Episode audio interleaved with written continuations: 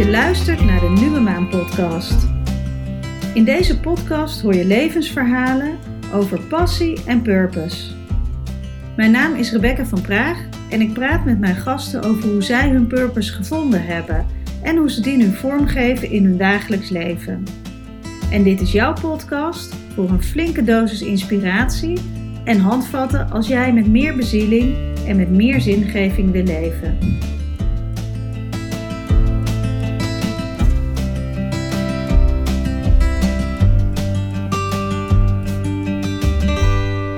Leuk dat je er bent. Voor mij zit Rob van Drunen, schrijver van Het is tijd, man.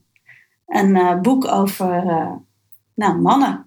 Ik ben wel heel nieuwsgierig, want ik kan, ik kan aan jou vragen: wat voor man ben jij? Maar uh, Jenny, jouw partner, stel je voor dat zij hier was en ik zou aan haar vragen: wat voor man is Rob? Wie is Rob? Wat zou ze dan zeggen? Jeetje. oh, god, wat een moeilijke vraag. Wat voor man is Rob? Nou, wat ze altijd zegt, is wel leuk. Uh, deze vraag is me nog nooit gesteld en heb ik ook nog nooit over nagedacht. Maar wat, wat Jenny altijd zegt over mij, is dat ik het vermogen heb om kleine dingen groot te maken en grote dingen klein te maken. Uh, dus daarmee bedoelt ze dat ik uh, de kleine dingen van het leven heel erg uh, waardeer. En daar ook echt van kan genieten en voor kan kiezen. En de grote dingen klein maken, daarmee bedoelt ze mee dat ik grote ambities heb en grote plannen. En dat ik die ook weer kan vertalen naar het hier en nu. En gewoon stapje voor stapje daar iedere dag nou ja, iets aan doen en dat, en dat ook manifesteren. En dat ze dat in mij uh, waardeert. En ik denk dat ze ook wel zal zeggen dat ik, uh, dat ik probeer aan heel veel dingen te voldoen. Uh, maar nu twijfel ik of ik nu mijn eigen beeld op haar projecteer. maar in ieder geval, als ik mezelf zal omschrijven, dan, hè, dan heb ik en de ambitie om een succesvol ondernemer te zijn. En ik wil een hele goede, liefdevolle, betrokken vader zijn. En een goede vriend. En een goede partner. En eigenlijk al die dingen. En daarin heb ik voor mezelf best wel een, nou, niet zozeer een hoge lat als meer een hoge ambitie. En soms schuren die, die dingen heel erg mhm. met elkaar, logischerwijs ook. En dat, dat, uh, nou, dat, dat gaat met ups en downs. Dus dat heeft ook wel eens periodes dat het wat moeilijker is. En dat merkt zij dan eerste hand, want dan ben ik wat chagrijniger. Of dan, uh, god, ja, dan, dan krijg ik bijvoorbeeld het ene wat meer voorrang, terwijl het dan aan de andere kant een beetje eh, pijn doet, zeg maar. Ja. Of andersom. Dus, uh, en dat, nou, dat, dat maakt zij dagelijks mee. Hey Rob, jij hebt een, met nog twee andere mannen een boek geschreven over mannen. Het, wordt, het is tijd, man. Nou ben ik er zelf een beetje uit. het wordt tijd, het is tijd. Het wordt tijd, ja. Tijd. En um, hoezo een boek voor mannen, over mannen? Uh, ja, jee. Um, we kregen, het, het, het meest simpele antwoord is: we kregen de kans om te schrijven. Dus we werden echt uitgenodigd met, met ons bedrijf Mannenkracht van hey, zouden jullie, zouden jullie geen boek willen schrijven? Nou, dat is natuurlijk echt fantastisch gaaf. Ehm, en we liepen alle drie, want we zijn, we zijn met z'n drieën, ehm, Pieter, ik en Jeroen, we liepen alle drie al een tijdje rond, individueel ook met het verlangen om, om een boek te schrijven. En hadden daar ook het wel eens zijdelings over gehad het mooie is eigenlijk zo mooi om te vertellen dat ik gaf uh, samen met Jeroen gaf ik samen een vierdaagse programma, een heel transformatief programma. Een groep van 15 man zaten we vier dagen lang op een locatie, uh, deelnemers ook zonder tijd, zonder telefoons. Uh, echt een heel stevig persoonlijk ontwikkelprogramma wat we begeleiden. En we hadden één nacht waarin we een soort quest deden. dus in de, in de bossen waren, in het holst van de nacht, zeg maar. En ik was op locatie in de boerderij waar we verbleven. En Jeroen was met de groep in het bos. En op een gegeven moment begon het echt enorm te regenen. En ook op een gegeven moment heel hard te bliksemen. Maar echt, echt, echt stevig te bliksemen. Dus hij beslist om die hele groep terug te halen uit die quest. En terug naar mij naar binnen te sturen. Uh, maar omdat het zo donker was en zo regenachtig, wist hij niet zeker of hij alle uh, eh, 15 deelnemers zeg maar, uh, terug had. Dus hij besloot om midden in het bos te blijven zitten voor als er nog, want al die deelnemers waren ook ver uit elkaar verwijderd. Dus hij wist gewoon niet zeker of iedereen bereikt had, laten staan of iedereen ook gezien had terug uit het bos. Dus hij besloot om te blijven zitten een paar uur lang.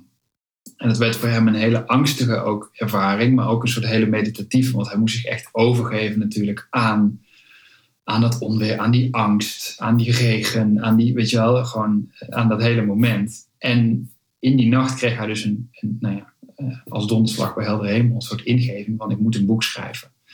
Ehm, dat kwam gewoon bij hem een soort van door. En de volgende ochtend zei hij dat tegen mij. Van, joh, ik, vannacht, ik, dit kwam gewoon, dit kwam gewoon. Ik moet een boek schrijven, ik weet niet wat het betekent.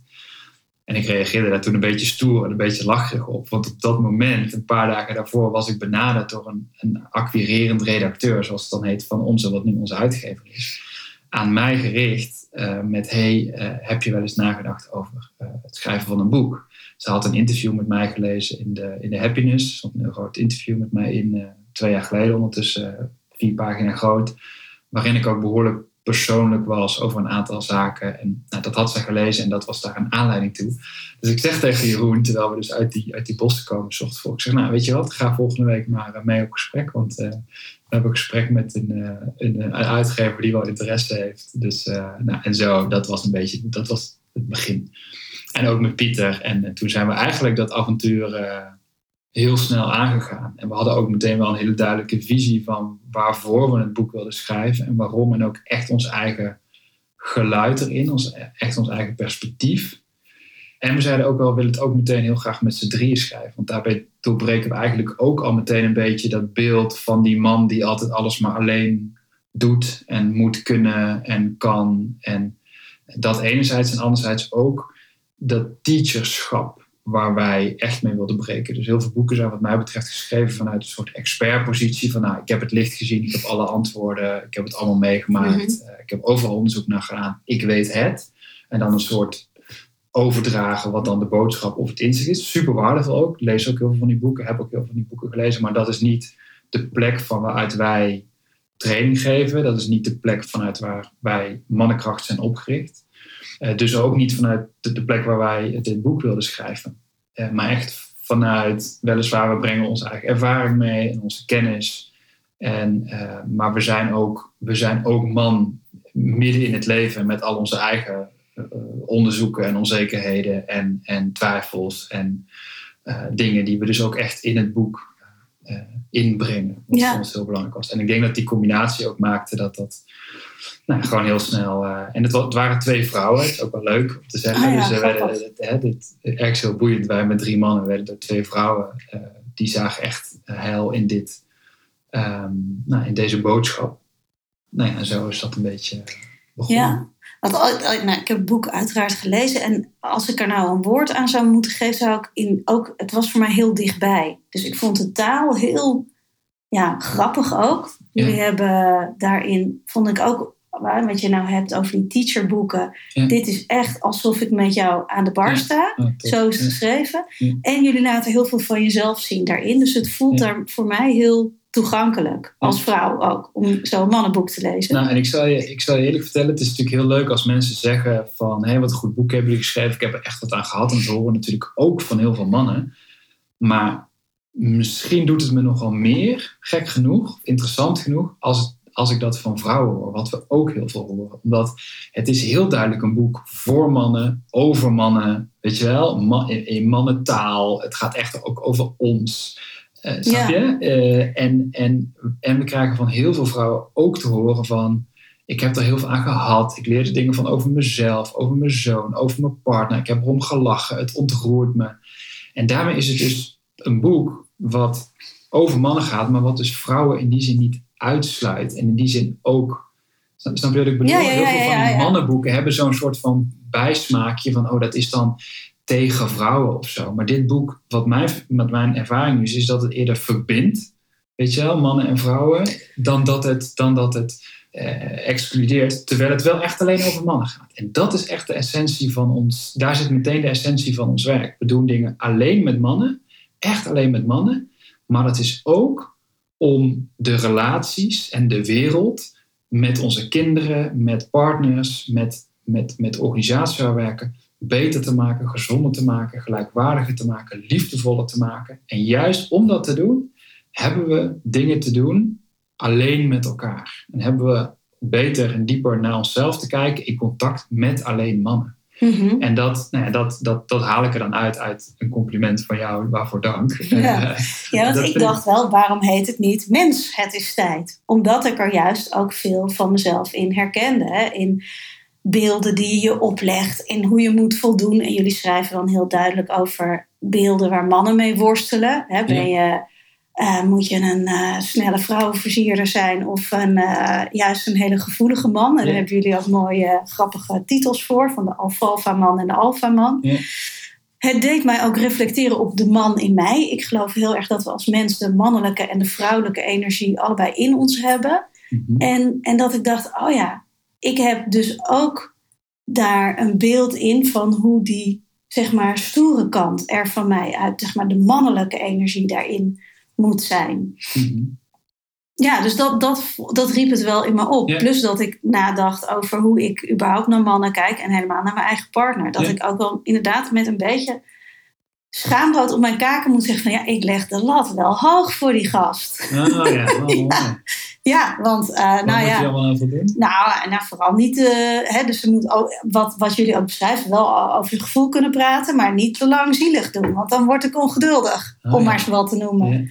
Ja. Ehm, dus zijn eigen dingen kunnen doen, hè, lekker je eigen ding doen, belangrijk, maar ja, ook wel weer eh, op tijd thuis, want er moet zoveel gebeuren. Dus daarin zag ik wel van, oh ja, dat, het deed me wel beseffen dat in deze tijd er misschien wel veel gevraagd wordt van mannen. Maar is dat, Ja. Ik weet niet hoe jij dat, hè, jij bent de man van deze tijd. Is dat Mhm. nieuw of is dat altijd zo geweest? Hoe zie jij dat? Nou, oké, laat ik vooropstellen over je eerste opmerking over hè, wat wij in ons boek beschrijven, dat, dat je als man in dit geval een script hebt. Hè, dus een set aan regels waar je aan denkt te moeten voldoen en waar dat vandaan komt. En dat dat een maatschappelijke invloed heeft. En vanuit de geschiedenis, maar ook vanuit je opvoeding. Dat geldt natuurlijk voor vrouwen ook. Als vrouw Mhm. heb je ook een script. En is het ook heel waardevol om in kaart te krijgen wat, aan welk script jij persoonlijk probeert te voldoen, vaak onbewust. En, en dus ook zinvol om daar losser van te komen. Want het geldt voor een vrouw idem. Wat alleen een belangrijk verschil is, is ehm, dat wat vaak in dat script van die man staat, maar niet in het script van de vrouw, is dat je niet over je gevoel mag praten Mhm. even platgeslagen. En dat is waarom heel veel mannen met het idee rondlopen. Dat ze, want die doen dat dus ook niet. Die praten niet over dat soort dingen. Vaak niet met een vriend, maar vaak ook niet met een partner. Om de, eigenlijk een van de redenen die je net noemt. De, ik noem dat de, de grootste catch-22 voor, voor iedere man. Is in een relatie.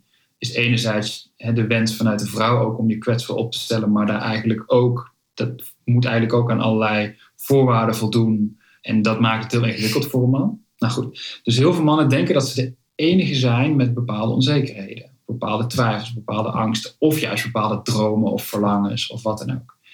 En dat is, een, dat is typisch iets wat, wat vooral bij mannen speelt. En wat ook weer een oorzaak is voor problematiek die je vooral bij mannen ziet. Of die bij mannen veel groter is. Eh, en dat is, een, dat is een heel groot verschil met, ehm, eh, met vrouwen.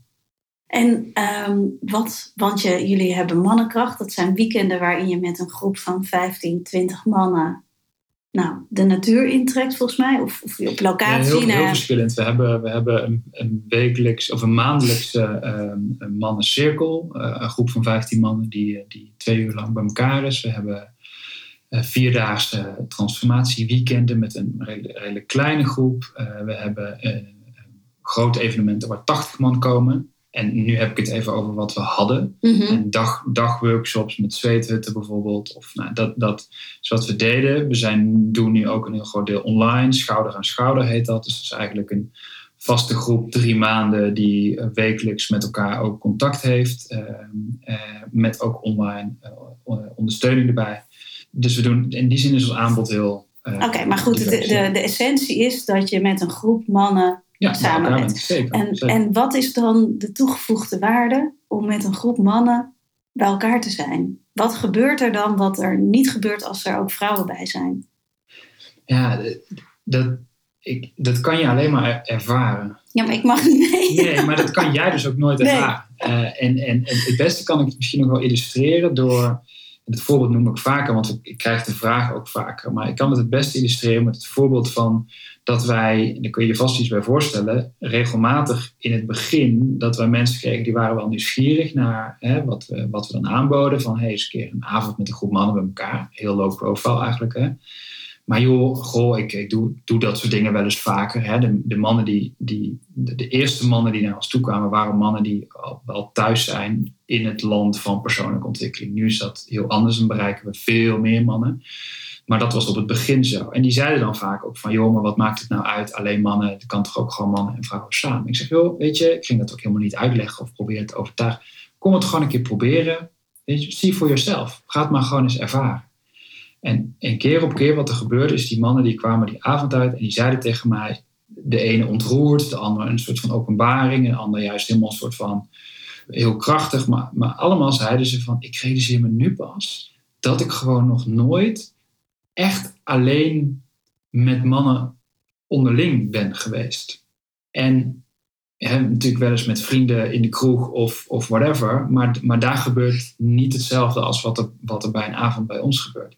En het gevoel wat daar ontstaat, ja, dat, de, dat is het. En, maar, wat is dan wat jullie op zo'n avond doen? Doen, ja, of proberen te creëren. Want uh, en het is dan anders dan met je vrienden een week lang. Ja.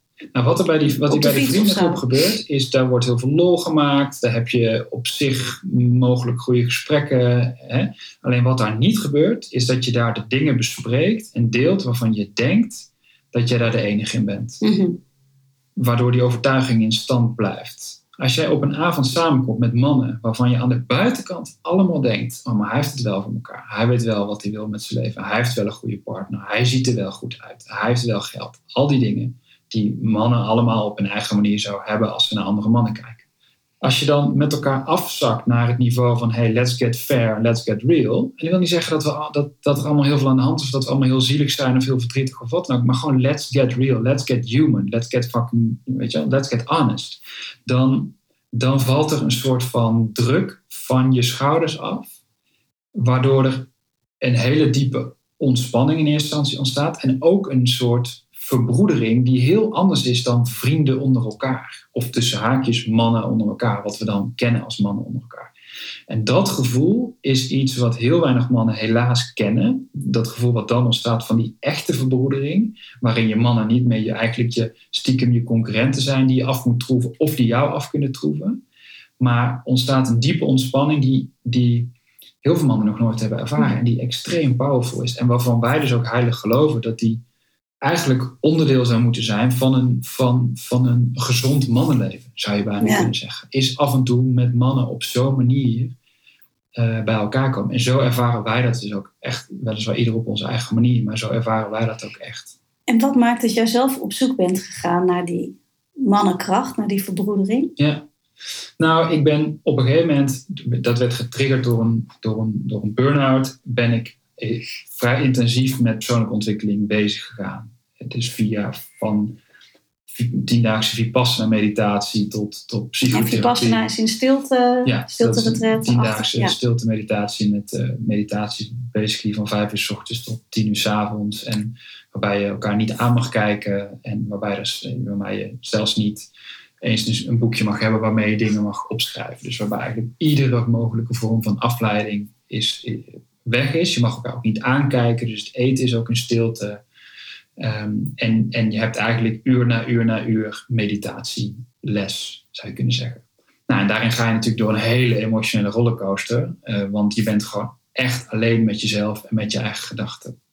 Nou, dus dat is iets wat ik, wat ik uh, een aantal keer heb gedaan, maar ook uh, regelmatig in, in, therapie of een neurofeedback training, maar ook ayahuasca ceremonies bijvoorbeeld. Nou, even als voorbeeld relatietherapie doe ik ook nog steeds regelmatig met mijn vriendin. Niet omdat er een probleem is wat opgelost moet worden, maar om, om de relatie te verbeteren, om de verbinding met mezelf te verstevigen, om mezelf beter te leren kennen, et cetera. Oftewel, dat ben ik toen in toenemende mate veel gaan doen.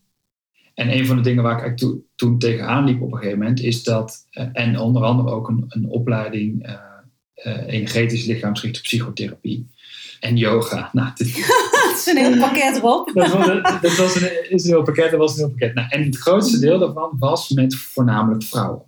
Eh, hè, dus in al die groepen, daar kan je ook iets bij voorstellen. ja, En- ik en- heb er zelf ook in gezeten nou, natuurlijk. ja. En dan zaten daar waarschijnlijk van de, van de 12 mensen of 15 mensen, zaten daar twee mannen bij, toch? In Ja. elk geval vaak. Nou, dus dat ik was een van die twee mannen toen.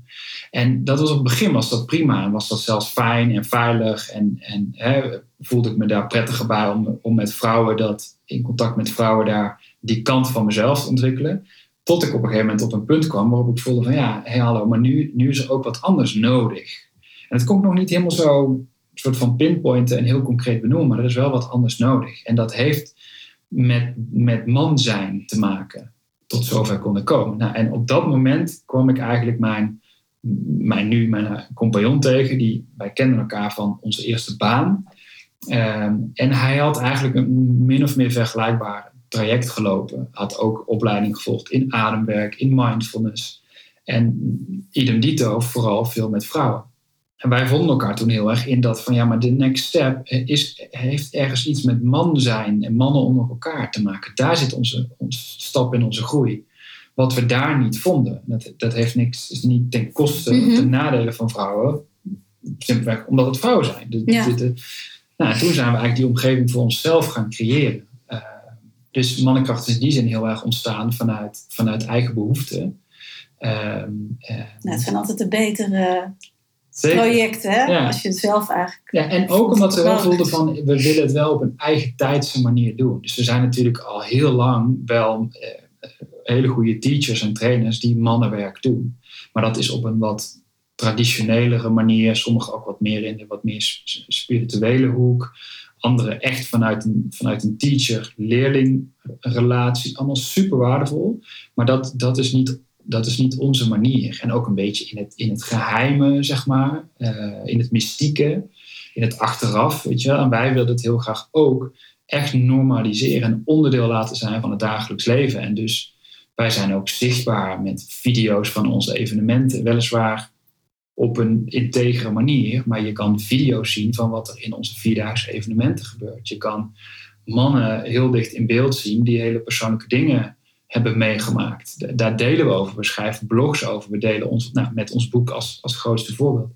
En dat was toen eigenlijk al, voor ons stond het eigenlijk al vast dat we dat heel belangrijk vonden. En dat, dat vonden we niet in, in het huidige aanbod. Ja. Dus voelden we ook van, nou, dan gaan we het zelf doen. Zeg Ja, dat kan ik me voorstellen. Want als ik het vergelijk vanuit mijn ervaring, dan is in zo'n weekend eigenlijk de, de trainer of de begeleider een soort neutraal, faciliterend figuur die heel af en toe wat van zichzelf inbrengt. En als ik jullie boek lees, zijn jullie echt heel open Ja. over, nou ja, allerlei gebieden. Ja.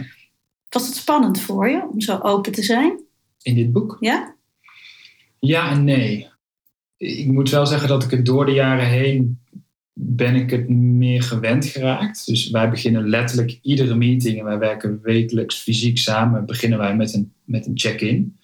Eh, ook een, een, echt een uitgebreide check-in. Eh, dus waarin we ook echt even delen van hey, wat, wat speelt er op dit moment bij mij. En er komen, komen iedere keer weer hele persoonlijke dingen voorbij. Dus het is ook veel normaler geworden. Plus doordat ik zelf jarenlang die groepen ook eh, eh, deels begeleiden, de- deels ook volgde. En soms is het, is, het, is het letterlijk allebei. Heb ik gewoon niet meer, is, is die overtuiging bij mij van ik ben vast de enige die, in mijn geval, die zich wel eens eenzaam voelt. Of die wel eens eh, de wereld ziet als een, eh, als een fucked up, gevaarlijke plek. Of die wel eens onzeker is in bed. Dit zijn dan letterlijk even voorbeelden die echt voor mij gelden dat ik dat nu niet meer, ik kan dat niet meer geloven. Die hele overtuiging is afgebrokkeld, zeg maar. Dus ik zie alleen maar mannen om me heen die ook hun hart op de goede plek hebben en ook hun best doen en ook, weet je wel, eh, weliswaar soms zichzelf een hele ongemakkelijke houding geven, maar ik zie in de basis zie ik broeders potentieel eh, als, als mijzelf. Dus ik ben in die zin niet meer bang om daarover veroordeeld te worden of daar, wat dan ook. En dat is eigenlijk wat, wat mij het grootste gevoel ook van, van vrijheid geeft. Zeker nog als ik terug ga naar waar die burn-out voor mij mee te maken had, is juist met het onbewust steeds maar moeten voldoen aan bepaalde verwachtingen. Dan wel van jezelf, of dan wel van je denkt dat anderen het heel tof van je vinden, of wat je, wat je denkt dat je, waar je ouders je heel erg voor waarderen, of eh, wat eh, maatschappelijke status oplevert, of ja, noem maar op. Mhm. hoe subtiel dat ook allemaal is, is, is eigenlijk allemaal, één voor één, is eigenlijk een, een beklemming, sorry, een beklemming van jezelf en van, ehm, eh, van je eigen vrijheid. Eh, en van je, letterlijk van je eigen ademruimte bijna. En mijn ervaring is heel erg, is als je, als je daaraan voorbij gaat en echt jezelf durft te omarmen, uh, dat, dat, dat, ja, dat is gewoon, dat geeft het gevoel van vrijheid, waarvan ik zelfs durf te beweren dat dat hetgene is waar we eigenlijk allemaal diep van binnen naar, naar op zoek zijn. Hm. Uh, zeker mannen, want vrijheid is voor de meeste mannen ons grootste, ons grootste goed. Ja, ja dus ik... Emotionele vrijheid gaat dit dan over. Oké. Maar, ik weet niet eens of dat meer een antwoord was op je vraag. Nou, in ieder geval op andere vragen die Oh. ik had. Want ik was ook benieuwd naar hoe, in hoeverre dit boek raakt aan wat je levensmissie of purpose of zingeving zou noemen. Ja. Maar volgens mij geef je hier al aan dat het, dat het van een heel diep, in, op een hele diepe laag raakt aan wat voor jou belangrijk is. Ja. Ja. Ja. Ja, wat, wat voor mij op de diepste laag raakt is. eh, ja, het is eigenlijk wel mooi dat je dat zegt. Want de laag die wij net eigenlijk aanraken gaat over zelfliefde en zelfacceptatie en vrijheid. En echt, echt jezelf durven zijn. Met alles wat daarbij hoort. Mhm. En als je het hebt over mijn, mijn purpose, dus echt wat de bron is van waaruit ik de dingen doe die ik doe, dan gaat dat in de basis voor mij, al, al praat ik daar letterlijk mm, vrijwel nooit over, geef ik het ook nooit zoveel woorden, omdat het voor mij heel helder is en ook heel, heel duidelijk is. Maar dan gaat het over het mensen en mannen herinneren aan wie we ten diepste zijn en, en eigenlijk wakker te worden, zeg maar, bewuster te worden. Mhm. Om daarmee ook collectief een bewustzijnsverruiming te, te faciliteren. Dat is waar het voor mij ten Ja. diepste over gaat. Eh, en, en alles wat ik doe, eh, ik doe meer dan mannenkracht, leidt, leidt daartoe. En dat is voor mij, is dat heel, kan ik ook letterlijk van dat allemaal eh, zeggen en uitleggen en voelen dat dat zo is. En anders zou ik er ook, wat mij betreft, mee moeten stoppen. ja. Omdat het dan niet mijn, mijn missie dient, zeg maar. En, want je vertelt dat er een, eh, een soort omslagpunt was in je leven met die burn-out. Ja. Is die missie die je net beschrijft, of die purpose, eh, ook iets waar je daarna pas mee in contact bent gekomen? Of sluimerde dat daarvoor ook al in je leven? Grappig, ja. de- ehm, het bij willen dragen aan een betere wereld, hoe cliché die, die zin ook is. Maar dat, dat heb ik eigenlijk altijd wel sinds veel jonger af aan echt ook met me meegedragen. Eh, ik ben, tijdens mijn afstuderen ben ik een van de eerste in Nederland geweest die bezig is met de introductie van elektrisch vervoer. Dat is nu heel normaal. We rijden nu allemaal in Tesla's, bij wijze van spreken. Maar dat was toen allemaal nog heel gek en het wordt niks. En geitenwolle sokken en noem maar op. Ik was daar toen, eh, heb daar toen een bedrijf in, eh, in gehad. Maar dat bleef heel erg pionieren en dat bleef ook alleen. En ik voelde ook van, ik wil, nou ja, ik wil nu even in, de, in, de, in, de, in het bedrijfsleven gaan stappen. Heel cliché genoeg, na een periode in India van drie maanden, waarin ik even eh, echt eh, bewust ging kiezen van wat, waar ga, ik- wat ga ik nu doen. En eigenlijk, ik moet het wel een beetje kort houden, maar ehm, ik ben toen voor grote bedrijven gaan werken, maar in die periode was ik vooral heel erg, eh, vond ik grote bedrijven eigenlijk maar niks. Ik dacht, grote bedrijven zijn een beetje de, oorzaak van al het kwaad en eh, die doen meer fout dan goed. En ik dacht tegelijkertijd ook, hè, maar ik kan wel zo'n grote bek hebben en ik kan wel eh, dat blijven roepen, maar ik, kan het, ik baseer het eigenlijk op niks. Laat ik het maar zelf aan de lijve gaan ondervinden. Ik ben er ook nog eens voor opgeleid. En vanuit die beweegreden ben ik daar toen ingestapt.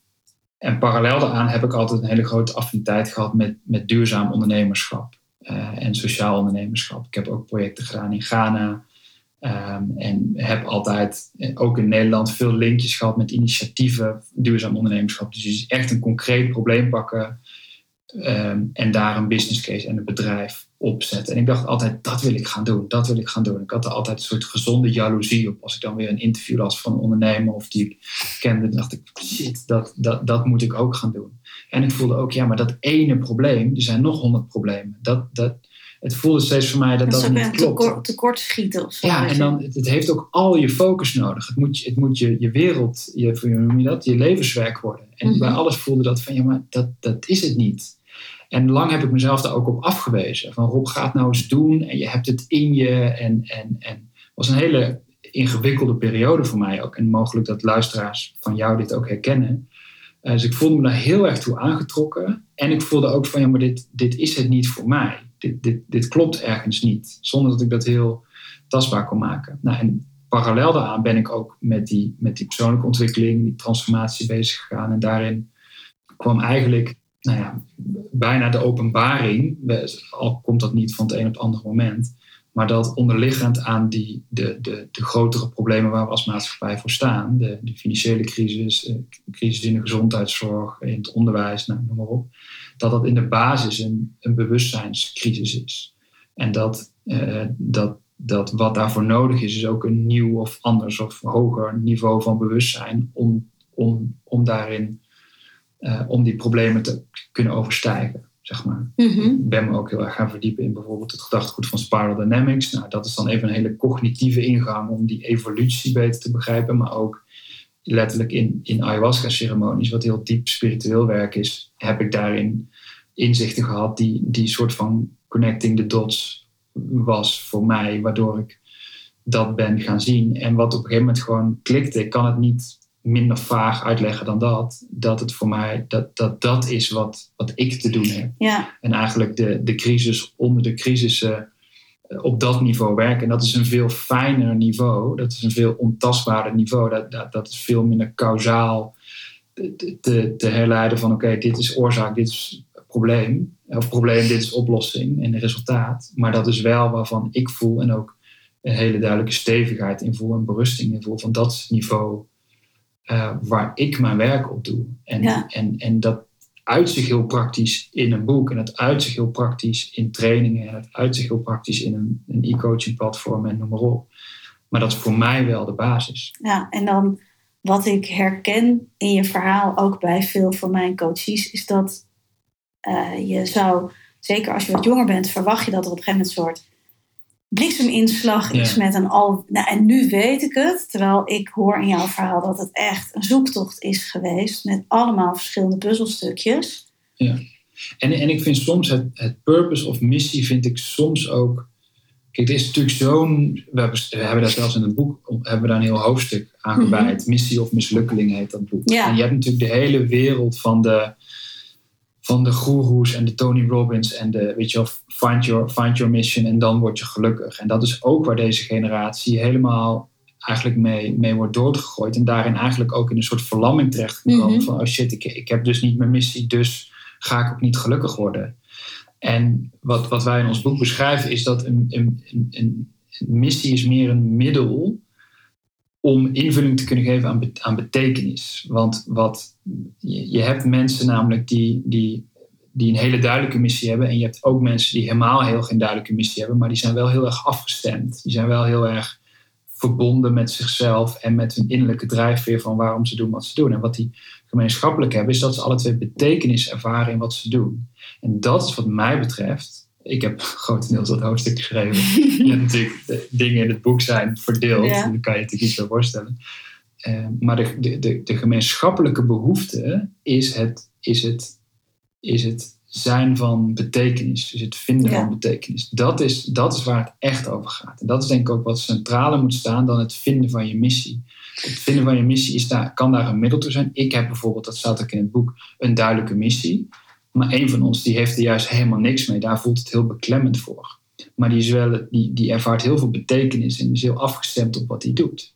En dat, ik denk dat dat een behulpzaam perspectief kan zijn voor mensen om, om voor zichzelf mm, eh, mogelijk kijken ze op de verkeerde plek of richten ze hun vergrootglas op de verkeerde plek. En gaat de vraag juist over waar, waar vind ik betekenis en hoe voel ik dat het voor mij klopt of zo. Ja, ja uiteindelijk gaat het voor mij, en ik noem het purpose of missie, omdat dat makkelijkere termen zijn, maar Mhm. eigenlijk gaat het over een soort zielsverlangen Mhm, om je uit te- om hier het leven invulling te geven. Precies. Nou, betekenis te geven. precies. En dat, dat is ook, dat is niet een soort businessplan. Nee, nee. Of een one-liner. Er kan een hele nee. mooie one-liner uitkomen die ook, Ja, wat voor sommige mensen dus ook heel goed werkt. En die, die hebben sommige mensen ook. Ik heb het ook een tijd gehad, maar nu niet meer zo, omdat dat me niet meer dient. Maar ik denk dat je die ruimte ook voor jezelf moet hebben, omdat ja. En, en wat ik ook hoor is dat je daarin verschillende vormen hebt. Dus jij hebt twee bedrijven met verschillende uitingen. En dat zijn Ja. vormen om Ja. betekenis te geven. En Ja. dat is dus iets anders dan mijn missie is om schrijver te worden. Ja. En dan schrijven is een middel om betekenis te geven. Dus dat sluit wel heel erg aan bij hoe ik het zie. Alleen het is wel lastig soms om dat nou, concreet te maken voor mensen die zeggen: ja, ik, ik zit gewoon vast in mijn leven en ik, er moet meer zijn tussen eh, wat ik tussen acht en eh, vijf doe, maar eh, hoe, hoe vind ik dat? Ja, en, en daarop aanvullen, het mooie is ook om na te gaan wat het, dat was voor mij ook een heel proces, wat nog belangrijker was. Is dat succesvol worden of is dat voldoening ervaren? En dat kan Mhm. natuurlijk een persoonlijke keuze zijn, maar voor mij is dat om voldoening te ervaren. Dat is nog belangrijker dan succesvol zijn. En dat, dat impliceert dat ik keuzes maak die misschien eh, in de weg staan of het vertragen dat ik heel succesvol word of snel heel succesvol word. Is groot beeld. Dus, en wat mogelijk voor luisteraars ook helpt. Ik heb op een gegeven moment ben erachter gekomen, zo gezegd, dat, dat ik een typische multipotentialite ben. Misschien heb je eens van het Nee, dat is gehoord. dat, nee? Dat, dat, daarbij moet je vooral niet denken dat het betekent dat je heel veel talenten hebt, want dat is wat een beetje in het woord zit. Maar multipotentialite betekent dat, je, dat, jou, ehm, eh, dat jij gebaat bent bij het, het, het bezig zijn en combineren met verschillende interesses, met verschillende rollen, met verschillende visies eigenlijk. En dat dat in de loop van je leven ook mogelijk heel erg kan veranderen. En dat is echt iets wat in ons onderwijssysteem, in onze maatschappij, maar ook vanuit business coaching, weet je, als je succesvol wil zijn, moet je je focussen, moet je in één ding heel goed worden, moet je één ding heel lang doen. En, de, En er komt bij mij van ouderboodschap langs. Eh, exact, Ja, exact. mijn moeder zei altijd, je moet je specialiseren op het puntje van de naald. En dat dacht ik, ja, ja. maar welke naald? In Jezus naam. Ja. En ik kreeg allemaal voorbeelden van, Ja. Nou, vooral kunstenaars. Ik kom eigenlijk uit een kunstenaarsgezin die dan Ja, ja. al 's ochtends om, om half zes achter hun tekentafel zaten. Dick Bruna was een van de voorbeelden. Omdat Ja. hij niet anders kon. Ja. Maar ja, dat deed ik dan één dag. En dacht ik, ja, nou ben ik klaar met Ja, tekenen. precies. Nou, En voor die mensen Ja. werkt het dus ook zo. En, en voor heel veel mensen nog meer. Alleen dat is wel het, het, het gewenste paradigma, zeg maar. Ja. Dus als je daarin afwijkt, dan ehm, wordt dat ook als, als dom of onwenselijk of whatever gezien. En toen ik leerde dat je eigenlijk dat een groot deel van de mensen daarbij gebaat zijn om zich op één ding te focussen, zijn er ook heel veel mensen die daar dus per default niet bij gebaat zijn. En dat, dat geldt echt voor mij. En ik ben dat echt in die zin gaan omarmen. En dat betekent ook dat je dus verschillende dingen naast elkaar doet. Wat soms ook betekent dat je dus ja, afwegingen maakt. En, en niet altijd overal even snel mee gaat. Of, of, of de- niet één soort van helder verhaal hebt over wat je allemaal doet. En al die dingen meer. En, en, maar wel dat dat ervoor zorgt dat ik in mijn geval het beste tot mijn recht eh, kom en voel dat het eh, het meeste klopt bij wie ik ben. En dat is denk ik ook een belangrijk onderdeel daarvan voor, eh, voor mensen die op zoek zijn naar wat is nou mijn purpose of eh et cetera. Ja, ja, en dat is, als ik het weer terughaal naar, naar jullie boek, daarin een hele grote uitnodiging om dat nou eens allemaal van jezelf te onderzoeken. Van wat ben ik nou gaan geloven Ja. over hoe het hoort Ja. als man. Nou, ja, kan je dan, als je het als vrouw leest, ook op jezelf betrekken als vrouw. En wat, waar wil ik dan afscheid van nemen om nog meer mezelf te kunnen zijn? Ja. Ja, nou mooi. Hey, en waar ik nog wel, wat, wat, wat ik ook leuk vind, gewoon met meer wat, wat praktischer. Hoe is het om met z'n drieën een boek te schrijven? Ja, ja. Met je, Eh, met je schrijfmakkers. Ja, Ja, Ja, dat was echt, eh, goh. Nou, heel cliché, maar op sommige momenten eh, maakte het het veel makkelijker. En op sommige momenten maakte het haast onmogelijk. Hè, dus letterlijk, je bent natuurlijk met z'n drieën, dus een bepaald opzicht ga je veel sneller. Eh, want je kan met z'n drieën eh, sneller en meer schrijven. Maar het vergt natuurlijk heel veel afstemming over waar gaan we over schrijven. Ehm, wat wordt nou echt de, de, de essentie van ons boek? Eh, ook heel praktisch in de zin van, van versies en, en nou, al dat soort dingen. De hele organisatorische, operationele laag. Maar ook, we schrijven natuurlijk heel persoonlijk over ons en over persoonlijke onderwerpen. Dat het, het raakte zo in dat hele schrijfproces, raakte het ook steeds bij de een en dan weer bij de ander. Ook hele persoonlijke eh, dingen die ook echt aandacht nodig hadden tussen ons om ook weer verder te kunnen schrijven. Mhm. Ehm, dus we hebben letterlijk één week voor de deadline van het boek zat iemand zo, eigenlijk zo persoonlijk in een, in een heel persoonlijk stuk. Want in het boek hebben we het ook over, over de relatie met je vader en over onzekerheid in bed en over vreemdgaan en over, eh, nou, noem maar op. Dat dat gewoon echt eh, heel veel aandacht van ons gezamenlijk nodig had voordat we gewoon met elkaar door konden. Eh, dus we waren aan de ene kant een soort geoliede machine, eh, echt heel strak georganiseerd. En aan de andere kant waren we soms ook gewoon een therapiegroep met elkaar. en die twee lagen, die waren alle twee keihard nodig om het uiteindelijk binnen negen maanden, wat best vrij snel is, te schrijven. En dat, ja, daar kan je iets bij voorstellen. Dat is gewoon een hele rollercoaster geweest met, met ups en downs. Maar maakten jullie daar dan afspraken over? Van we gaan nu aandacht besteden aan waar we tegenaan lopen? Of, of popt dat op? Hoe ging dat dan in de samenwerking? Ehm, ja, we hadden gewoon delen van overleg die gewoon heel, heel praktisch gingen over gewoon echt ja, hele planmatige afstemmingen en noem maar op. En ook dat we voelden van ja, er is nu gewoon iets wat ruimte nodig heeft. En daar gaan we gewoon helemaal in. Ja. En daarvan moest de een soms een, een ongeduld aan de kant zetten. Of, of werd er, uh, vlogen elkaar half de haren in. Maar goed, we, we, zijn heel erg gewend met het werk. Dus we gaan dan ook echt meteen goed de diepte in. Dus in die zin... Het wordt aangekeken wat er speelt. Enorm, ja. ja. En Top. daarin hadden we ook echt allemaal een verschillende rol. Want um, uh, nou, bijvoorbeeld, bijvoorbeeld Pieter, mijn compagnon, zijn kracht is ook echt heel erg om ook um, echt die diepere laag ook altijd uit te nodigen. Ook in het boek en ook in onze onderlinge dynamiek. Om heel erg te durven vertragen. Dat is een hele grote kwaliteit. Moet je ook echt durven. Terwijl ik ben veel meer van het, uh, van het gas geven, zeg maar. Nou, dus daarin heb je ook echt een balans nodig. Maar als je het dan over mannelijk en vrouwelijk hebt, wat je zelf net op een gegeven moment aanraakte, is Mhm. die, die twee niveaus van het mannelijke, dus het, het, het doorpakken, het pragmatische, het, het plannen, eh, maar ook het vrouwelijke is echt het, het overgeven aan wat er is en het vertragen en het ruimte geven aan, aan die, die laag. Dat ja, was alle twee heel sterk nodig en ook aanwezig. En daar, Ja. ben, ik, daar ben ik eigenlijk nog het meest trots op. Dat jullie dat zo Eh, hebben dat kunnen doen. dat zo hebben kunnen doen. Ja. Ja. Ja. Ja. Wat is de grootste les die je geleerd hebt uit het schrijven van dit boek? Voor jezelf? Of het grootste inzicht? Ja. Een moeilijke vraag. Wat het eerste wat in me opkomt is waar, dat, ik, dat ik wel echt heb gemerkt waar ik in mijn natuurlijke rol val. In zo'n proces, hè, van zo'n proces van binnen negen maanden met, met twee anderen echt iets in de wereld zetten.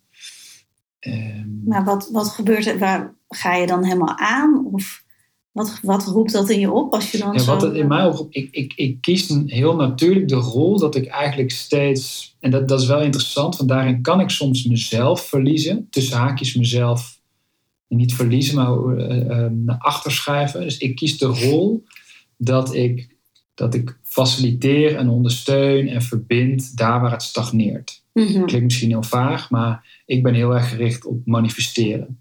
Dus alles waarbij manifestatie stagneert, daar, daarin stap ik in een rol wat dat eigenlijk weer verhelpt. En al is het maar stapje voor stapje voor stapje voor stapje. Eh, en hierin was ik daarin ook de. Dat was hierin ook mijn rol, Hm. zeg maar. Eh, waarbij ik soms, als keerzijde daarvan, bijvoorbeeld mijn inhoudelijke visie op een bepaald stuk, die moest soms van heel ver komen. Eh, want dat, dat, ja, dat eh, conflicteerde soms met die rol waar ik dan in zat. Ik bedoel? Terwijl Mhm. ik dat, dat stuk van inhoudelijke visie juist heel sterk heb. Dat ik soms heel Ja. erg uitgesproken Dat verbaast me ook dat je ergens over noemt. ben of ja. over denk.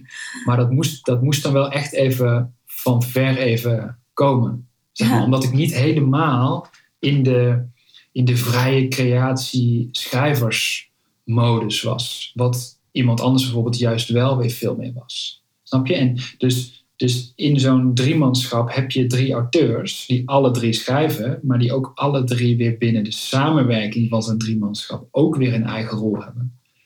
Snap je? Een Mhm. eigen. ehm, en dat, nou ja, dat in, daarin heb ik mezelf ook weer een stukje beter leren, Ja. leren kennen. Ja, en eh, ja, dat is ja, je, je ontmoet jezelf in de ogen van de ander. Dus Ja. helemaal in zo'n samenwerking. En als er dan nog twee paar ogen zijn, dan kan ik me voorstellen dat je daar wel het een en ander in tegenkomt. Ja. Hey, in je boek, eh, of in jullie boek, gaat het ook veel over het vaderschap. En eh, je schrijft ook eh, columns over het vaderschap. Wat voor vader wil jij zijn voor je zoon? Ja, Ehm, nou, dat is een veelomvattende vraag, maar Ja. ehm, ehm, een van de belangrijkste dingen is dat ik hem, dat ik een emotioneel aanwezige vader wil zijn. Dus dat betekent voor mij dat ik, dat ik bereikbaar ben, emotioneel bereikbaar ben, dat hij zich bij mij gehoord voelt, dat hij zich bij mij veilig voelt, dat hij zich bij mij niet veroordeeld voelt of ehm, nou, dat, dat, soort, dat soort dingen. Mhm. Dat is voor mij eigenlijk het, aller, het allerbelangrijkste. Ja. Ja. En ehm, dat hoorde ik in een, volgens mij in een andere podcast waar jullie ook over spraken, dat er eigenlijk nu best wel, nou misschien niet nu een generatie die nu opgroeit, maar de generaties hiervoor, wel uh, mannengeneraties kampen met een gebrek aan een emotioneel aanwezig vader. Heb ik dat goed begrepen? Enorm, ja. Ja, ja. Ja dat is een heel groot onderwerp op zich. Maar dat, dat, ja, dat is echt zo. Ik, ik heb nu in de loop der jaren al honderden mannen zonder overdrijven ook gesproken of in groepen gehad natuurlijk. En de, de hoeveelheid mannen die zeggen, nou, ik heb een, ik heb een vader, eh, los van dat ze een vader hebben waar ze van houden, of die ze dingen heeft gegund en gegeven in het leven, die ervaren van, ik heb een man die, die mij ook heeft geholpen en geleerd uh, en ondersteund om een, om een volwassen, volwassen man te worden. Uh, en die, die die relatie als heel voedend hebben ervaren, die zijn echt op één hand te tellen. Ja, wat, um, ik weet niet of jij daar een beeld bij hebt, maar wat maakt nou dat dat zo ontstaan is? Nou, ik denk dat dat, dat script wat we even aanraakten van die man. Heel veel mannen hebben gewoon, die zijn emotioneel op een bepaalde manier gesloten. En die, die geven dat ook, dat is ook wat wat zij hebben meegekregen van hun vader. Dus zij hebben eigenlijk ook het gemis van een vader. We komen natuurlijk ook uit een tijd waarin mannen ook gewoon altijd aan het werk waren en dat dat ook brood, letterlijk brood nodig was. Dus dat het ook vanuit noodzaak was dat mannen vooral aan het werk waren. Maar die tijd is grotendeels natuurlijk al lang niet meer. En dat dat script zo hardnekkig is, waarbij mannen leren van nou ja, je emoties mogen niet zijn, die moet je vooral onderdrukken en niet over praten. En da, daar, daarin zijn, is generatie op generatie op generatie, mannen is daarmee groot geworden. Dus jongetjes, die, die leren niet hoe het is om over hun gevoel te praten. Uh, of om dat serieus te nemen. Of om zich daar niet voor te hoeven schamen, uh, et cetera. Ja, of ze leren het van hun moeder. Nou, ik bedoel niet ja. dat ze het leren, maar dan, als ze een voorbeeld hebben, is dat waarschijnlijk een vrouw. Ja. En niet een man. Ja. Ja. Terwijl het juist voor jongens heel belangrijk is dat het een man is. Ja, ja dus ik denk ik... voor meisjes ook eigenlijk. Zeker. Ja. Dat je een emotioneel toegankelijke vader hebt. Ja, absoluut. absoluut. Ja. En, dus, en dat is wel, er zijn ook wel ook onderzoeken die dus laten zien dat de, het effect ervan voor jongens groter is dan voor meisjes. Ja, en zelfs uh, dat er is zelfs onderzoek uit Amerika die, die zegt dat jongens die, op, die opgroeien met een emotioneel afwezige vader voor een negende jaar, dat, die, um, uh, dat het zelfs op DNA-niveau is terug te herleiden, wat weer veroorzaakt dat ze een, ik meen 15 jaar kortere levensverwachting hebben en eerder uh, allerlei kwalen krijgen.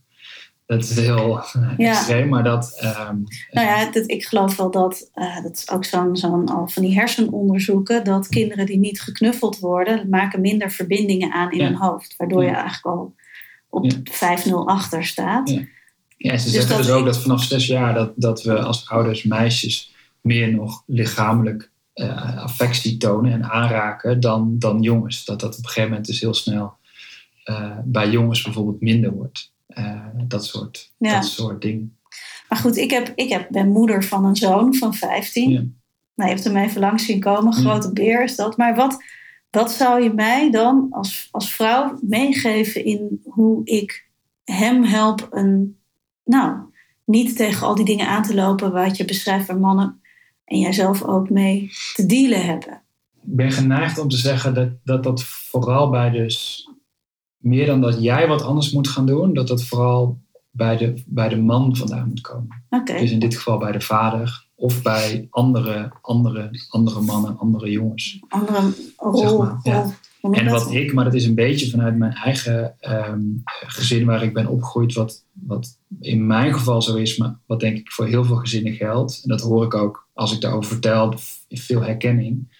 Dat moeders vaak de, het hoofd van het gezin zijn. Ehm, ehm, maar daarmee ook vaak, eh, zeker bij de oudste en zeker bij een jongen die de oudste is, ook tussen de energetisch tussen de jongen en de man instaan.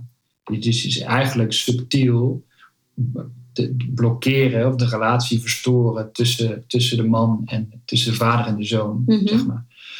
Ehm, en daarin heeft natuurlijk de vader ook iets te doen, want die heeft daar eigenlijk gewoon in te stappen. Daar heeft er zijn plek in te nemen. Zeker. Ik heb, ik heb mijn vader daar ook, en ik kan hier nu vrijheid over spreken, omdat wij daar ook goede gesprekken over gehad, maar ook echt wel met terugwerkende kracht kunnen zeggen van pa, ik heb echt ook gemist dat jij niet af en toe gewoon zei van, mam, ga eens even aan de kant. Eh, dit is even iets tussen mij en mijn zoon. En ik heb, een hele andere, ik heb een heel ander gesprek als ik alleen met mijn vader ben en als ik in de dynamiek ben waar ook mijn moeder bij is. Dan is mijn moeder gewoon leidend, zeg maar, daarin. En nou ja, daarin heb je denk ik als vrouw je daar ook bewust van te zijn. Ja, Uh, en anderzijds ook op veel jongere leeftijd, en dat doen mannen en vrouwen uh, denk ik gelijk, is dat er al heel snel hè, je, wordt gesproken over jongens die zijn, die zijn stoer of die zijn, uh, daarbij wordt het, is het heel goed als ze niet hoeven te huilen als ze pijn hebben of als ze, hè, dat, dat soort dingen. En Mhm. daarmee wordt eigenlijk al heel snel een, een imprint achtergelaten van, oh ja, ik mag niet, ik mag niet huilen, ik mag niet weet je wel, verdrietig zijn of, of angstig zijn of ja, onzeker zijn. Niet, niet zeuren. Dat gebeurt en dat is heel subtiel. Ik bedoel, Mhm. dat zie ik nu bij de opvang van, van onze. Dan komt hij, komt hij binnen en heeft hij een petje op en dan ziet hij er een soort van cool uit. En dan, wordt hij, dan krijgt hij vier keer te horen hoe stoer hij er wel niet uitziet. En dan komt hij thuis en dan is het, dan is het ja, maar papa, ik ben, al, ik ben al een grote jongen. En dan probeer ik dus heel erg dat ook te neutraliseren, of in ieder geval aan te voelen van hé, hey, wat, wat gebeurt er nu in hem? Want als hij daarmee zichzelf identificeert, dan dat is wat mij betreft niet een, een, een, een wenselijk uh, gevolg. Als je begrijpt wat ik bedoel. En dat geldt voor meisjes net zo goed natuurlijk. Meisjes moeten vooral die moeten lief zijn en die moeten mooi zijn. En, en weet je wel? En dat, dat gebeurt gewoon op heel jonge leeftijd en zit hem in hele kleine dingen. En ik, ik maak mezelf wel eens ongerust en ook wel boos over hoe, hoe weinig um, uh, kennis en bewustzijn hierop is. Ook bij nou ja, de, de, degene, die, de, de, degene die onze kinderen helpen opvoeden. Dus ook wat veelal vrouwen zijn op, op kinderopvangs en zo. Daar begint gewoon al heel jong die, die stereotypering. Um, uh, en, en wordt er ook, uh, nou ja, ik kan, kan niet eindeloos over doorgaan. Maar, ja, en het is een onderwerp wat me heel erg aan het hart gaat. Maar ja. Om weer terug te pakken op je eerste vraag van wat voor, wat voor vader wil ik zijn. Wat ik bijvoorbeeld in die zin ook echt wel trots op ben, is dat ik, mijn zoontje is nu 2,5, maar die benoemt bijvoorbeeld echt van hé, hey, mama is nu boos. Of papa is nu verdrietig. Of ik ben nu verdrietig. Dus die benoemt echt ook emotiewoorden. Wat, wat we hem leren doordat we dat zelf, zelf voordoen over onszelf. Mhm. Dus ik bied me excuses aan. Ik zeg, ik was net boos op mama. Uh, ik ik uh, moet huilen omdat ik verdrietig ben. Omdat ik hier onzeker ben. Letterlijk dat soort woorden gebruik ik af en toe. En je ziet nu bij hem dat hij dat ook gaat doen. En dat, hij, dat we niet zijn gevoel invullen. Wat je ook heel Ja. lastig ziet. Dan, dan huilt een kind even of hij doet. En is het ah, er is toch niks aan de hand. Of heel goed bedoeld en liefde voor allemaal. Maar daarmee wordt eigenlijk gezegd. Wat jij voelt is niet waar of is niet oké. Okay. Ja. Simpel. Dat is hoe een kind het ontvangt. Daar kan je over discussiëren. is gelul. Dat is gewoon wat, wat in de binnenwereld van een kind gebeurt. En vaak doen we dat omdat het bij onszelf ook is gedaan. Dus onbewust kopieer je gewoon wat met jou ook is gedaan. En dat is wat mij betreft ook het grootste gegeven en de grootste blessing van het vaderschap. Is dat het, als je, en daar probeer ik jonge, jonge vaders ook mee te helpen, is, is het ook juist te gaan zien als een enorme kans om jezelf beter te gaan leren kennen. Want je krijgt eigenlijk de kans om met terugwerkende kracht te kijken in die allereerste periode van je leven en eigenlijk door de ogen van je kind te gaan voelen hoe er met jou mogelijk is omgegaan en, wat, en, en hoe dat voor je was. Dus als je je Mhm. kan voorstellen hoe het is om zo naar de wereld te kijken en om, om zo nieuwsgierig te zijn, maar ook zo kwetsbaar te zijn. En dan te voelen hoe al die indrukken op je inwerken en al die meningen en al alles wat gezegd wordt en wat gedaan wordt. Dan, ga je ook, de, kan je ook daarmee contact maken met je eigen innerlijke kind, zeg Ja. maar. Ehm, wat heel veel nou ja, zelfkennis en ook weer zelfacceptatie kan vergroten. Anders dan dat je gewoon denkt, oh ja, dit moet ik ook weer en dit moet ik goed gaan doen. En waarbij je eigenlijk automatisch hetzelfde gaat doen als wat met jou is gedaan. Mhm. Dat is eigenlijk zonde, zowel voor het kind als voor jezelf. Ja, Maar daar ja en het tweede het, boek het, tweede boek, ja. Gaan jullie dat ook met z'n drieën schrijven? Mogelijk, ja. Ja, alleen oké. eh, een van de drie is geen vader, maar eh, eh, Oké. ja, mogelijk wel. Maar wel een zoon. Maar wel absoluut een zoon. Ja. En heeft daar als geen ander heel veel inderdaad over te vertellen. Ja. Ja. Ja. En, en nog even terugkomend, ik zei van heb je dan een tip voor mij? Maar eigenlijk is je tip, pak niet de ruimte in tussen vader en zoon, maar laat die het samen een beetje uitvogelen. Ja. Ja, Ja, ben, ben, de, ben de veilige, liefdevolle bedding van een moeder.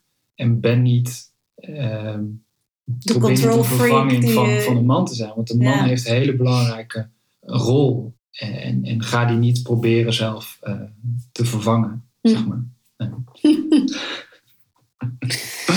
ja. nou dat is ook nog een interessante dynamiek, moeder en zoon. Hè? Dat veel over. eh, Ja. Als je er helemaal op gaat letten, je ziet het, ik zie het overal dan Ja. oppoppen in Ja. series en films. En, En het, En is ook- ook, het is ook voor een vrouw, het, het is, de vraag overvalt me ook even en mogelijk, hè, als we hier langer over praten, dan komen er ook meer. Maar het, het is ook voor, voor, voor een moeder, moet het ook heel moeilijk zijn. Nou. Want je bent, je bent primair het allerbelangrijkste voor een kind wat er is, heel lang. En er is, het is ook heel belangrijk dat er op een zeker moment ook een hele, echt een onthechting plaatsvindt ja, zeg maar. En dat is voor een vrouw natuurlijk ook.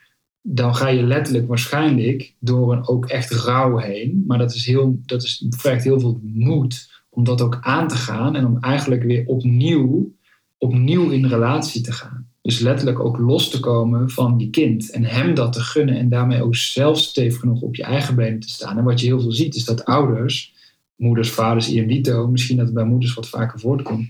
Hun, hun geluk hun levensgeluk, zou je bijna kunnen zeggen, eh, ook een beetje halen uit, uit het, het moeder zijn. oh, En maar zeker. En dat, en dat is in zekere zin gezond, maar in zekere zin, als dat in zijn volledigheid zo is, is dat heel ongezond, zo niet bijna toxisch, ook voor het kind en ook voor de moeder zelf. Dat is misschien een grote uitspraak. Maar als, als, jij, als jij gelukkig bent, als jouw kind gelukkig is, dan ben je, klinkt heel nobel, maar dat is een enorme gevangenis voor het kind. Plus het geeft jezelf Nee, ook dat is een opdracht. Dan krijg je de opdracht mee, ik moet mijn moeder gelukkig maken. Precies. Of mijn vader. Exact. Maar ik herken wel, hè, mijn kinderen zijn eh de Die oudste dragen heel veel mannen, die, die overtuiging. Ik moet mijn moeder gelukkig maken. Ja. Ja, sorry. Ik onderdruk je. Nou, wat ik wou zeggen is dat, dat eh, met, met nu eh, een kind van 17 die eindexamen doet en een, Mhm. en een kind van 15, ik wat je net beschrijft, dat, ik voel dat fysiek. Ja.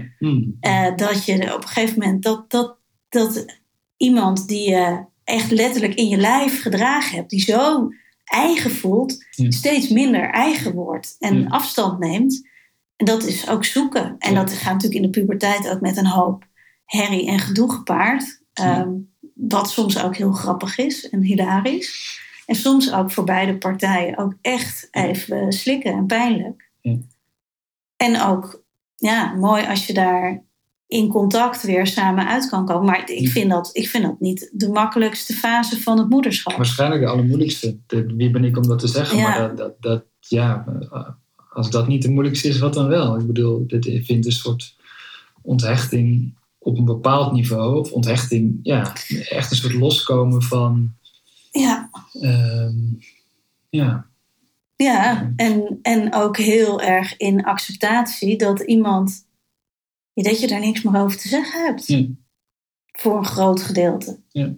Maar ook, ja, ook vind ook eh wonderschoon om hmm, te zien hoe ja, van zo'n klein babytje ineens twee toch bijna volwassen mensen daar staan. En eh, ja, dat, dat, dat, een, dat je daar zo dichtbij hebt mogen zijn, of, en nog mag zijn, maar Ja. dat, die hele ontwikkeling, ja, dat is voor, dat is Ja. voor mij wel echt Ja. eh, ook de grootste leerschool.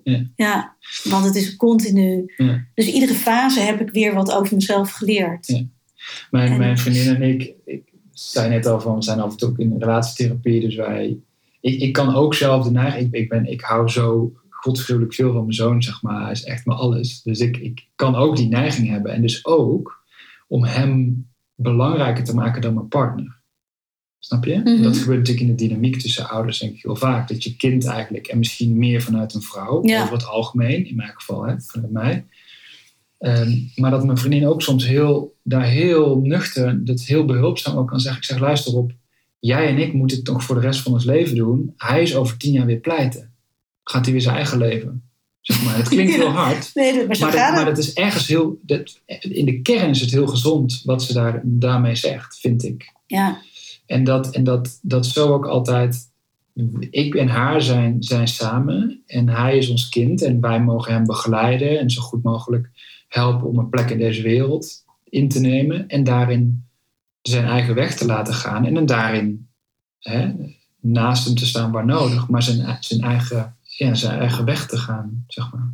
ja en, en, en ik, ik weet je, en ik hoor en ik weet ook rationeel dat het zo werkt. En in de praktijk, wanneer je kind in de problemen zit of wanneer het ziek is, Ja. dan valt dat Ja. toch allemaal weg. En dan Ja. is er maar één ding wat ik als moeder en jij misschien ook als vader, dat er een soort leeuw in je wakker wordt en denkt. ehm, ik ga al, al sterf ik zelf hier ter plekke, maar ik ga er alles aan doen. En als dat ten koste gaat van ja, de relatie, is so be it. Ja. Dat is niet natuurlijk allemaal bewust gedacht, maar dat is wel wat er Ja, gebeurt. Nee, Ja. dat, dat- heel herkenbaar ook. Ja.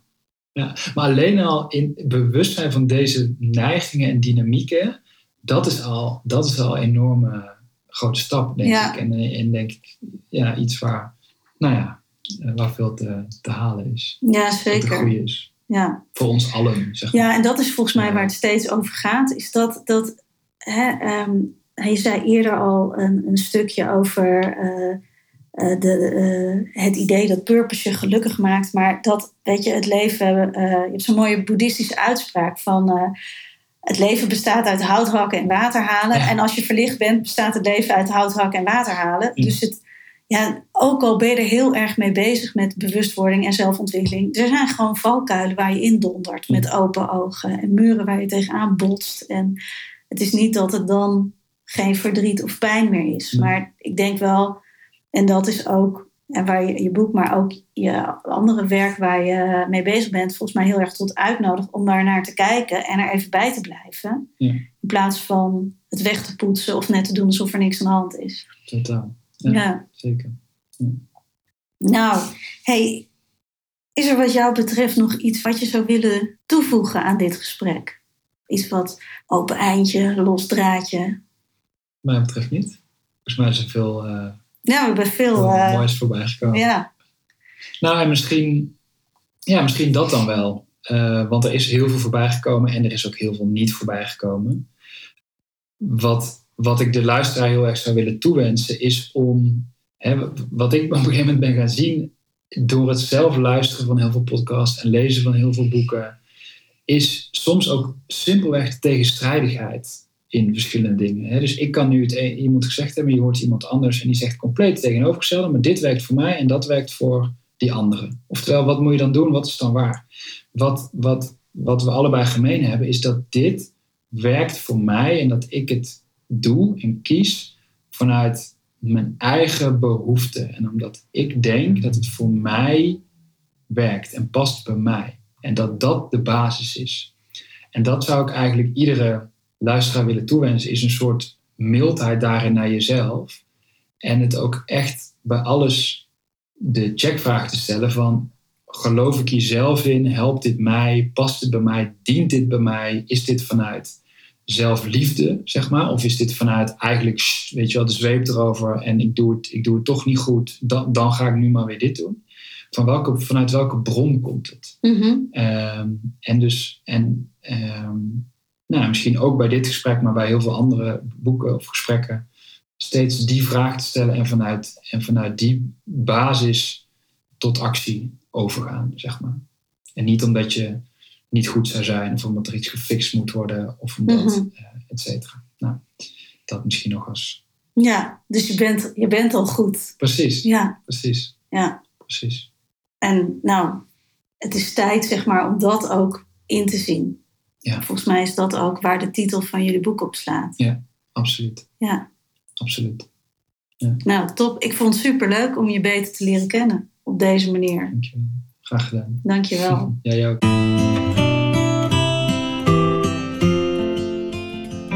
Dankjewel dat je naar de Nieuwe Maan podcast hebt geluisterd. Ik hoop dat het je heeft geïnspireerd en wellicht handvatten of ideeën heeft gegeven hoe je jouw purpose kan vormgeven in je leven. Als je geen uitzending wil missen, abonneer je dan op deze podcast. Klik in je podcast-app op de button subscribe of abonneren. En iedere nieuwe maand wordt er een aflevering gepubliceerd en jij ontvangt dan automatisch een berichtje. Dankjewel voor het luisteren en tot de volgende keer.